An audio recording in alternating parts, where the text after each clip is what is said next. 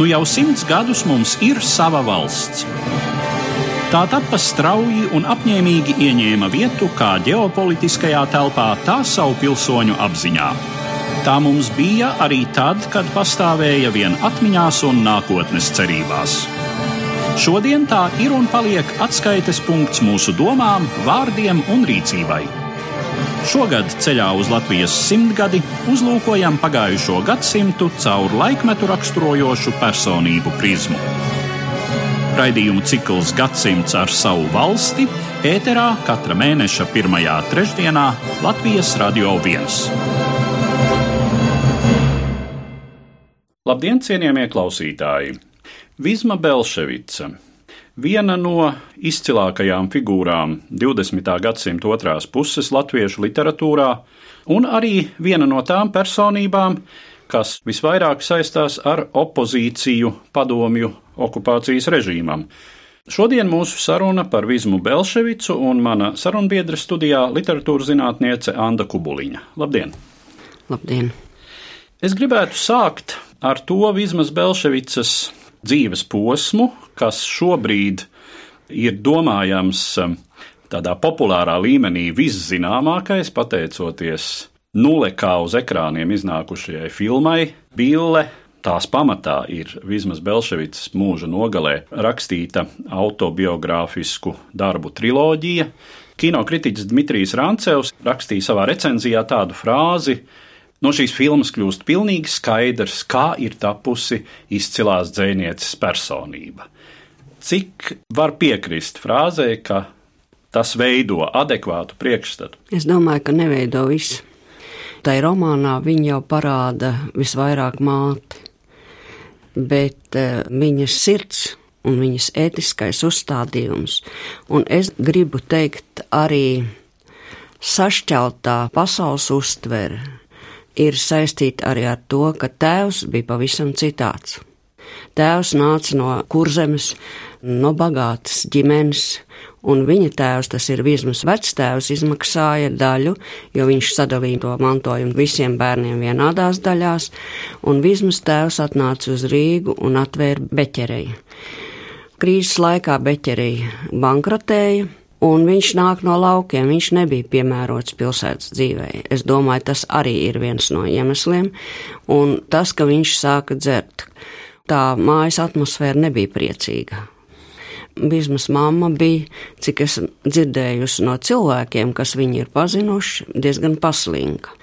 Protams, cilvēki ir diezgan nešpatni un, un ļauni, bet es domāju, ka pamats bija, jo viņa nestrādāja. Un tēvam, kā vienkāršam transporta strādniekam, bija jāuztur ģimene. Un līdz ar to tā ģimenes dzīve bija ļoti grūta. Un tāpēc arī Vizma ļoti bieži dzīvoja pie tēvmāsas Ugālē kur viņi iemācījās lauku darbus, kur viņi iemācījās redzēt dabu un saprast cilvēku attiecības, jo tās bija pavisam citādas tajā ģimenē. Un es domāju, ka šīs tēva ieliktais siltums, jo viņš saprat viņu, un tā mamma nesaprata. Es saprotu, ka mamma bija arī diezgan nervos cilvēks. Ne tikai tāpēc, ka tēvs dzēra, bet no dabas jau nervu struktūra viņai bija tāda. Un es domāju, ka tieši šī dilema starp tēvu un māti jo māte ir māte, tomēr arī. Nevelti viņa man neteica neko par to, ka mamma bija paslinka. Ja? To es uzzināju no cilvēkiem. Daļēji jau, protams, visa šī aina parādās um, arī filmā.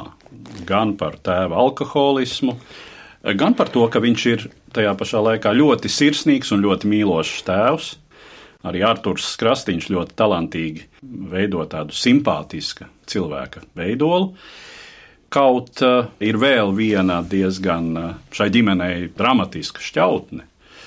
Tas ir jautājums, ko, starp citu, Jānis Elsbergs uh, neklātienē uzdod savam vecam tēvam vienā no saviem dzējoļiem. Ko tu darīji tur Latviešu SD vienībā kara laikā? Nu jā, te ir vēlreiz, ko es akcentēju Vizmas tēvs nāca no bagātas ģimenes. Tas, ko viņš redzēja, ko izdarīja 41. gadā Krievi Latvijā, tas viņā radīja šausmīgas dusmas. Un ka viņš iekūlās tai, nu, kā brīvprātīgais tai vienībā, ja. Es vēlreiz atkārtoju, tas bija cilvēks, kas nāca no laukiem, politiku saprata ļoti lielās un nesmalkās lietās, un tāpēc vienkārši aiz emocionāls taisnīguma izjūts, un tāpēc arī viņš, viņš tur iekūlās. Tā ziņā viss šīs ģimenes stāsts ir tipiska tā laika problēmu situāciju aina, ģimene, kuru materiāli sagrauj. Krīze. Lielā depresija, Jā, 30. krīze. gadu sākuma krīze, līdz ar to laupa viņiem sociālās stabilitātes izjūtu, līdz ar to ietekmē arī kaut kādu politisko un ētisko pozicionēšanos, un tad pārējais jau ir rezultāts mm -hmm. lielā mērā. No otras puses, kas arī filmā parādās, ka tomēr, lai cik sociāli problemātiska ir šī ģimene, tad tomēr ir tiecība pēc izglītības. Jā. Pēc personības veidošanās Jā. nu, meitenei tiek atrasta klavieru skolotāja. Arī skola dod zināmu ievirzi. Tas ir tas, ko savā autobiogrāfiskajā grāmatā Valentīna Freimane ļoti precīzi formulē, salīdzinot ar tā laika, teiksim, vācu sabiedrību.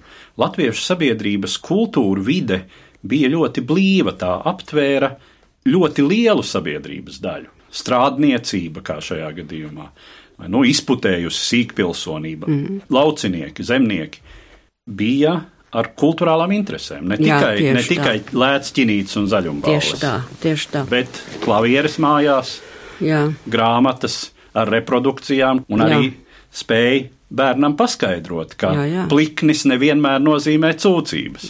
Un tas, ka zināt, kā ar nu, tas, ka viņa jau pirms skolas izlasīja visu bērnu biblioteku Grīziņkalnā, un pēc tam gāja pati uz lielo biblioteku, lai lasītu, un to starp citu ļoti labi parāda arī viņas studiju gadi, kad viņa pasniedzējiem spēja iebilst, jo viņai bija jāstāsta nu, ārzemju literatūra par Gēti un Faustu.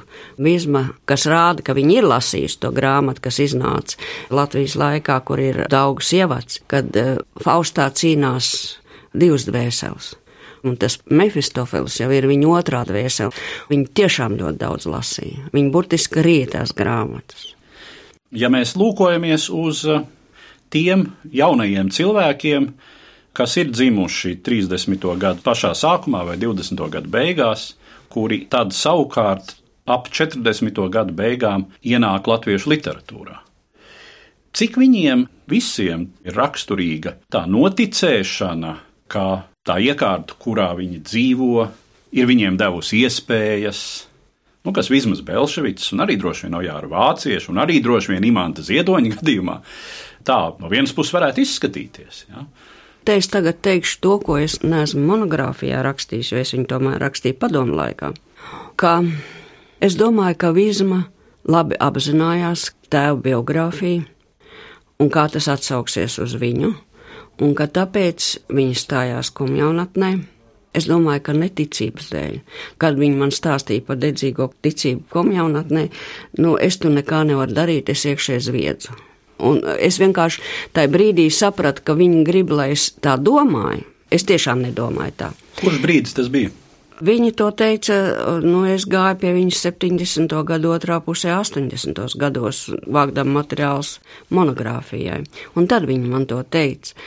Nu, ir grūti savus kļūdas atzīt, ļoti grūti ir. Un es domāju, ka arī Vizmai bija grūti atzīt to, ka viņai vajadzēja. Viņa bija vienkārši spiesta. Viņa nedrīkstēja citādāk darīt. Tātad mums ir pamats domāt, ka Vizmai Belševicai īpašu ilūziju Es- nebija. Es domāju, ka nebija. Un tieši tāpēc, tad, kad iznāca pirmais krājums, no kura viņa ir it kā oficiāli nav atteikusies, bet nav ielikta rakstos, kaut es domāju, ka tā nevajadzēja darīt. Es domāju, ka vajadzēja likt arī to, lai parādītu nākošām paudzēm, kāds bija tas laiks. Un no kurienes viņi izauga par to, kas viņi bija, jo viņas ceļš līdz nonkonformismam, viņa ir vienīgā, kurai ir nonkonformisma šķautne daļradē, vienīgā. Ne vācietim, kurš ir ļoti daudz darījis un kurš arī ir drosmīgs cilvēks. Kā dzēnieks ļoti liels, viņam nav šīs nonkonformismas šķautnes, kas ir vizmai, toties tik pietiski trauslu maigumu un lirismu, kāds ir vācietim, tāda arī mums vairāk nav 20. gadsimtā. Par Ojāru Vācieti droši vien, droši vien viņš eh, ilūzijās bija daudz ilgāku laiku. Jā, dziļāk, ilgāku laiku. Jā. Un eh, jāsaka, no šī viedokļa daudz aizlaustāka personība, es mhm. teiktu. Mm -hmm. Jā, bet Vizmai jau laimējās tas, ka viņa 53. gadā iestājās Maskavas institūtā, un šī Maskavas vide viņai deva ļoti daudz. Pirms tam viņa gan vienu no šīs Maskavas vides pazina, jo viņa bija dubultu daļradsnamā, un tur bija arī Šklauskas un Paustovskas. Un viņa iepazinās ar Šklausku, kas bija viņas lektors tajā augstskolā. Un es ilgi nevarēju saprast, no kurienes zemes siltumā telpas sakārtojums, jo tas nebija tajām laikam parasts, kā viņi ir sakārtojuši savu zemes siltumu to telpu. Un tad es tiešām ļoti ilgi domāju, un tad es atcerējos, ka viņai viens no lektoriem ir Šklauskas. Viņai ļoti būtisks mākslinieckās telpas kārtojumā ir opozīcija princips, pretstat princips, ko izcēla arī Šklauskas savos rakstos, un neapšaubām līdz ar to arī lekcijās un Paustovskis, un ar Paustovski tad viņi atgriezās, jo viņi nevarēja tajā Maskavā dzīvot, jo tā pilsēta bija pārāk liela priekš viņas. Un tad viņi ļoti drīz atgriezās, un tad viņi sāka tulkot Paustovski, jo viņai piedāvāja, un tā maize jāpelna, un tad viņa patiesībā viņas maizes darbs ir tulkojumi.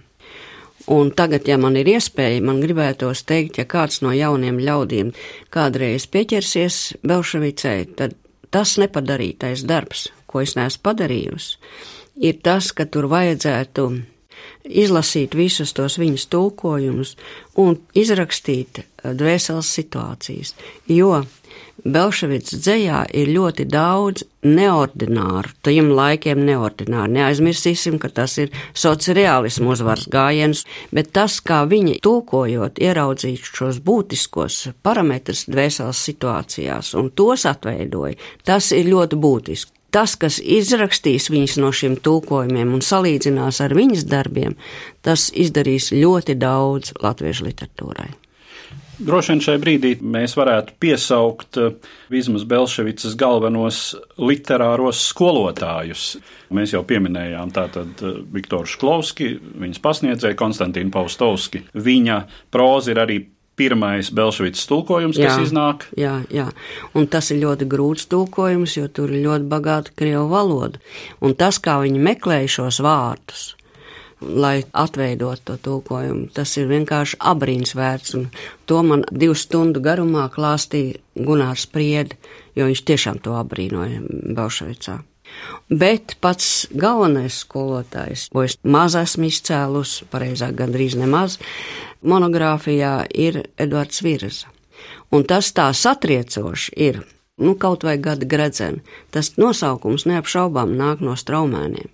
Un no tās situācijas, kur ziemā mežā zāģē priedi Tā ir ļoti veca priede, un tad kā viņa nevis nokrīt, bet atsēžās uz savu celnu. Tas apraksts straumēnos ļoti skaists. Es domāju, ka tas ir neapšaubām gada gredzena nosaukuma avots. Tāpat kā kaut vai kamultinēja, kas skanēja visus 80. gadus rečtīvā, un tā arī nāk no straumēniem. Tās ir tās vērpējas, mītiskās vērpējas, kuras viņi paņem tur. Un, jo tā straumēna ir mītiska pasaule. Tas, ko es savukārt esmu dzirdējis no Vizmas Belšvicas dēla, dzēnieka Jāņa Elsberga, tad viņš piesauc Andreju Upīti. Jā. Vizma ļoti augstu vērtēja Andreju upīšu valodu. Es nedomāju, ka viņa augstu vērtēja to upīšu nīgrumu toties virzas skarbo balsu un lepno balsi, un viņi kurzemnieci un kurzemnieki ir vienreiz lepna tauta. Arī šis virzas plašais skats, mēs zinām virzas darbus, bet viņa recenzijas mēs nezinām. Tās recenzijas, kādas viņam ir, kas stāv līdzās viņa ordināli dzējai, tur parādās pasaules plašums. Un to virzma, nu, es nezinu, cik apzināti, to tā nemaz nevar nevienā gadījumā pateikt, bet es domāju, ka šis pasaules plašums skats, tur bija antīkā, tur bija visāda literatūra. Un viņa, viņa šīs recenzijas lasīja presē. Savā bērnībā, kad cilvēks uzsūc ļoti daudz, neapzināti. lai gan, ja mēs paskatāmies uz tādām diezgan nīgrām vecenēm, vismaz Belševicas prozā. Jā. Tad um, šķiet, ka upītis ar kaut kur tur miedz ar aci. Nē, nu droši vien, ka tā ir, bet viņa caur grotesku, viņai nav nīgruma, viņa caur grotesku, un viņai bija ļoti redzīgas acis. Ļoti tā, kas nu ir, tas ir. Viņa pamanīja to sīkumu, caur kuru viņa var smalki iedurt. Bet, zinat, Tur arī forma, viņas vecenes izaug no formas. Institūtā viņa gāja pie Ļidina prozas seminārā, nevis dzējas. To viņa ļoti tā arī atzina, ka viņa negāja apzināti pie Svetlova, jo Krievu dzēja ir ļoti laba un interesanta, bet tā ir cita mentalitāte. Un dzēja rakstīt viņa prata, bet proza neprata, tāpēc viņa gāja pie Ļidina. Bet tas viņas groteskais skats, tajā laikā, kad iznāca ķikuraga stāsts, tādu tēlu vispār mūsu literatūrā nebija, padomi literatūrā. Tad nelaime mājā tāpat, kā viņi ķikuraga stāstos. Viņi nerunā, viņi nekritizē esamību, bet tā ar tādām mazām sīkām detaļām parāda, kas notiek. Un tad, kad tu visu to grāmatu izlasīsi, tā noliec un pārdomā tās detaļas ļoti kolorītu ainu, es teiktu, par padomu esamību atklāja. Tas liecina par viņas arī tādu prasmi novērtēt kādā situācijā viņi ir. Jo es domāju, ka viens no negantākajām ņirdzībām ir e, tas partijas sekretārs Zēģele. Bet kā viņi to panāk? Viņš ir tik bezgala labs, tik bezgala labs, tik saprotošs. Un, kad tu beigās sāc domāt, bet pak, pak, pak, kā tu viņš to zina? Kā viņš zina par tiem tēliem, kuri nav viņam neko stāstījuši, bet viņš zina. Čikurāks stāst man dažā ziņā pat patīk labāk par nelaimi mājā, kaut tur ir trakā Paulīna un vēl citi ļoti labi stāsti, bet man patīk tas, kā tais čikurāks stāstos, cik smalka viņa ienes to jauno grotesko ironisko momentu mūsu literatūrā un atjaunina arī īsā stāsta vietu un novelas vietu, jo tobrīd jau uzvaras gājiens bija lielajai prozai. Ja mēs domājam par to brīdi, kad Vizma Belševica nonāk tādā jūtamākā opozīcijā pastāvošai iekārtai, un tā ir 60. gadu otrā puse, nu, izteikti 1968. gads, kad iznāk dzējoļu krājums gadu gradzeni ar laikam gan zināmāko Vizmas Belševicas uh, dzējas darbu, poēmu Indriķa latviešu piezīmes uz Livonijas kronikas malām, publicēts krājumā, bet pēc tam tajā saskata labā, pareizā zaimošanu. Un, uh, To pauž ne tikai kādi partijas funkcionāri vai literatūras uzraugi, bet arī kolēģi. Bet arī kolēģi jā. Patiesībā tas ir daudz ātrāk. Tas sākās ar 60. gadu, kad viņa, es vēlreiz saku, viņas dzīvē ļoti liela nozīme ir tieši Maskavai, kur viņa iepazīstās ar Gunāru Piesi, kur viņa iepazīstās no nu, ar visiem tiem tā laika citu tautu dzēniekiem, kas tur mācās. Un tad, kad atgriežās, tad Piesis uzņem televīzijas filmu Salatskrīva un aicina Vizmu rakstīt tekstus tajā filmā, jo tā ir filma par uh, salacgrības zvejniekiem.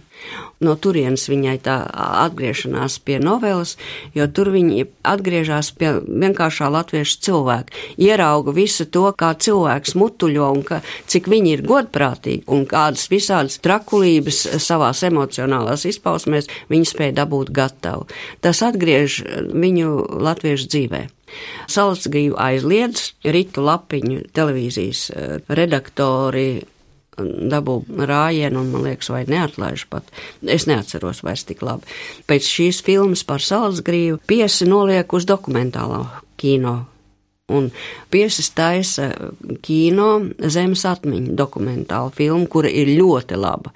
Man liekas, ka to vajadzētu izvilkt un vēl joprojām parādīt.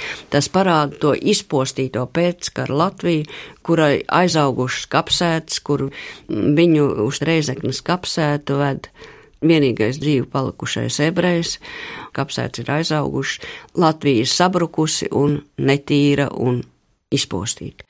Viņa raksta tekstus, diktoru tekstu, un tieši tajā tekstā ir ļoti daudz jaunu atklājumu, Un starp citu, tieši tajā zemes atmiņā viņa nonāk pie tam, jo laba literatūra pārstāv trīs stilus. Pārstāv sakrālo stilu, sekulāro stilu un sarunvalodu. Un vīzma tajā zemes atmiņā pirmoreiz apjēdz un atgriež sakrālo un līdz ar to paplašina to tēlu dimensiju, un viņi iegūst organisku veidojumu. Viņa nav vairs melnbalta, ja? jo opozīcija jau rada arī zinām melnbaltumu, bet lūk šī sakrālās dimensija panāk to organiskumu. Un tas, ka vienmēr saka, ka vizmas tēli ir ļoti organiski, to vajag izsakot, viņi neuzreiz ir organiski. Bet lūk šai 60. gadu vidū Viņa nonāk līdz tam organiskam tēlam. Ne tikai tāpēc, ka viņa raksta par dabu un izceļ mazo, bet taisni caur to, ka tur ir tieši sakrālā leksika, kura piešķir tēlam jaunu dimensiju.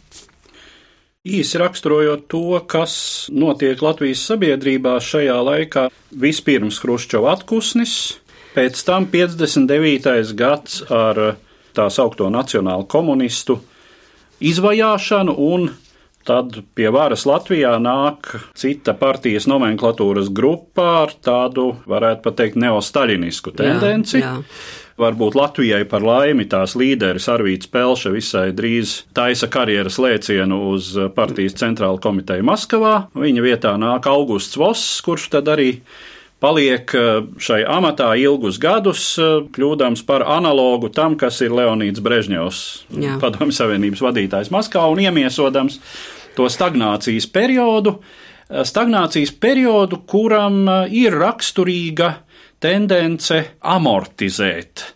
Protams, arī represēt, mm -hmm. bet represēt tā pakluso vairāk. Mm -hmm. Manipulatīvi tiekot galā ar opozīciju un Iespējamā opozīcija arī pielāgojas šiem spēles noteikumiem, un sākas tāds ilgs spēlīšu laikmets starp varu un intelektuāļiem, spēlītes, kurās šie cilvēki paši daļēji piedarot pie nomenklatūras vai katrā ziņā strādājot sistēmas ietvaros, cenšas sistēmu apspēlēt. Un uh, gadu gredzenu un Indriča latviešu gadījums darbs, kuru cenzūra neaiztur, izlaiž cauri.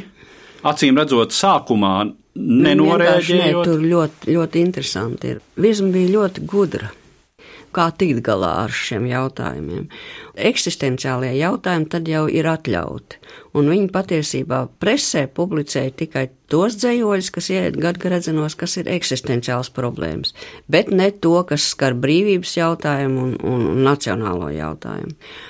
Un tie 19 dzējoļi, kas tur izsaka šo šķautni, Tie parādījās tikai krājumā, bet iedomājās, viss ir publicēts presē, ko tur daudz, un Sirmbārds, viņš bija veikls redaktors arī. Vizma saka pati, ka tās Sirmbāržu zilās nevainīgās acis iznes to krājumu, bet es nedomāju, jo padomju savienībā nevainīgs pat zīdains nebija.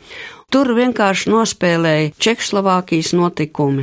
Līdz tam viņi visi bija mierā vēršanās pret eh, Vizmu Belševicu ietvaros eh, tiek piesaukts Ukraiņu rakstnieks Ivans Dzjuba, eh, Jā. kas tiek arestēts, apsūdzēts buržāziskajā nacionālismā, tiesāts. 72. gadā. Jā, un Vizmai Belševicai nākas liecināt. Viņai prasīja, vai padomju cilvēks tā drīkst runāt, un viņa teica, rakstnieks, ja viņš redz, ka viņa tauta iet bojā, tad viņam ir jāsaka tas, ko viņš redz un to viņai nepiedeva, jo pirms tam, pēc tiem gadu gredzeniem, viņai bija aizliegums drukāties, bet eh, vismaz tūkot viņa varēja, bet pēc šī gājiena viņa arī tūkot nevarēja, un tad viņas tūkojumi iznāca ar svešu vārdu. Jā, viņa ļoti daudz ko iznesusi ar savu nonkonformismu. Latviešu padomju literatūrā viņa ir šai ziņā vienīgā.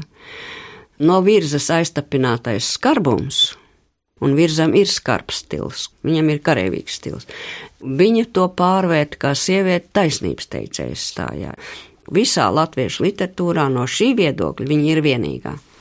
Izkārtojot chronoloģiski un notikumu sižetā, pēc gadu gredzeniem, kas kļūst par piedaudzības akmeni un kļūst sabiedrības vislasītāko grāmatu. To es saku ar pilnu atbildību, jo cilvēki, kas vispār literatūru nelasīja un dzēju, zinādam, ka es esmu literāts, pieprasīja, lai es iedodu izlasīt gada gredzenus. Tie bija vīrieši, ne sievietes. Un vīrieši, kā zināms, ar dzējas lasīšanu daudz nenodarbojās. Vismaz statistiski vidēji. Jā, tā tad pēc tam ir Madarās. Madarās, kas ir pēc septiņu gadu pauzes. Māza, maza, plāna, pieticīga grāmata. Ļoti dziļa, kas tiešām ir ļoti dziļa grāmata. Ja gada gredzeni ir vairāk uz sociālām parādībām orientēta un rezonē visā sabiedrībā, tad gada gredzeni patiesībā ir grāmata, kas rezonē cilvēkam, jo tur ir ļoti daudz cilvēku. Dvēseles, mūža lietas, kuras katrs pārdzīvo, tikai nosaukt nemāk. Šais gados, pēc 70. gada, es gribu teikt, ka sabiedrībai jāsaka paldies arī Zigurdam. Zigurdam Elsbergam. Jā, jo es nedomāju, ka viņiem bija viegli vienam ar otru, bet to, ka Zigurds domāja, ka ģimene ir jāuztur, ka viņš ir um, ģimenes galva, un tas ir viņa lielais nopelns attiecībā uz vizmu un arī attiecībā uz bērniem. Tas, ka viņi nedrīkstēja publicēt neko, ar savu vārdu. Tā mazais Jānis tikko piedzimis bija. Lielais puika taču skolā gāja, tas viss prasīja naudu. Un beig beigās bija arī mamma, veca jau un nevarīga, un bija arī slims brālis. Pazīstot Zigurdu, kurš pats šo savus nopelnus tā skaļi nepiesauc, bet eh, patiešām jā, to var novērtēt. Viņš ir pelnījis lielu paldies. Tad ir 80. gadi, kad no vienas puses ir pakāpeniska šo aizliegumu žņaugu noņemšana, mm. bet šī personiskā traģēdija 1986. Mm. gads, kad Klaus Elsbergs, dzēnieks, ārkārtīgi talantīgs, savas paudzes daudz uzlūkots kā spilgtākais mm. Latviešu literatūras tobrīd. Cerība. Tieši tā, iet bojā. It kā izkrītot pa logu rakstnieku jaunradas nama logu. Gana daudz pamata domāt, ka tā bija slepkavība, varbūt bez iepriekšēja nodoma. Tā laikam nevar teikt, jo vismaz viens cilvēks, kas tur bija, apšaubīja šo, ka bez uh, īpaša nodoma tur bija arī skalbe, Arvīts skalbe. Un es taisīju arī interviju ar viņu savā laikā. To viņš neļāva ierakstīt, bet viņš teica, ka tajā brīdī nezinu, no kurienes parādījās motociklisti kaskās, tajā dubultu namā, un tie nebija vietējie. Nu, nu, viņš bija pilnīgi pārliecināts, ka to no, novāc Maskavā. Un tas visam tiešām, ja kaut kas salauza, viņi visu laiku spēja ļoti daudz ko nest un arī izturēt, bet es domāju, ka klauna nav salauza viņu.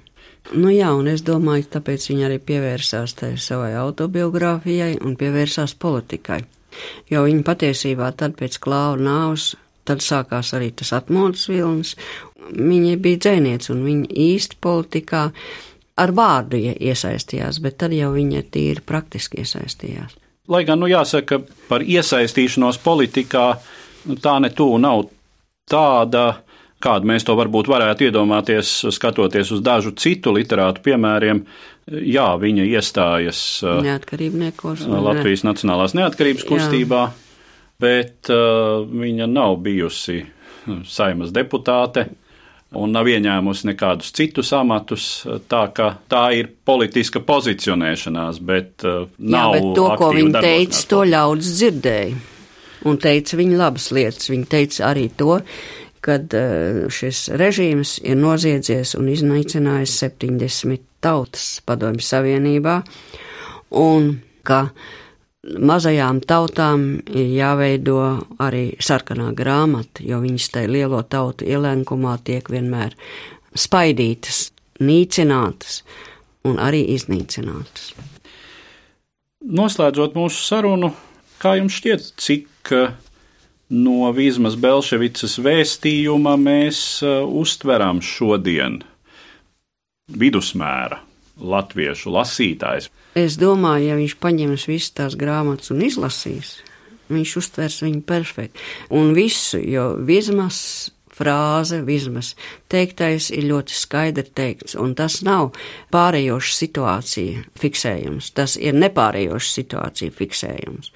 Un arī tas, kā viņi izskaidro brīvību, arī tas ir vajadzīgs, jo viņi to nesaprot kā patvaļu, bet kā tiešām brīvību. Ar to es arī gribētu noslēgt viņai veltīto sarunu un saku paldies manai sarunbiedrei, literatūras zinātniecei Andai Kubuliņai. Gadsimts ar savu valsti skatīts caur laikmetu raksturojošu personību prizmu. Latvijas simtgades programmas raidījumu cikls ēterā katra mēneša pirmajā trešdienā Latvijas Radio 1.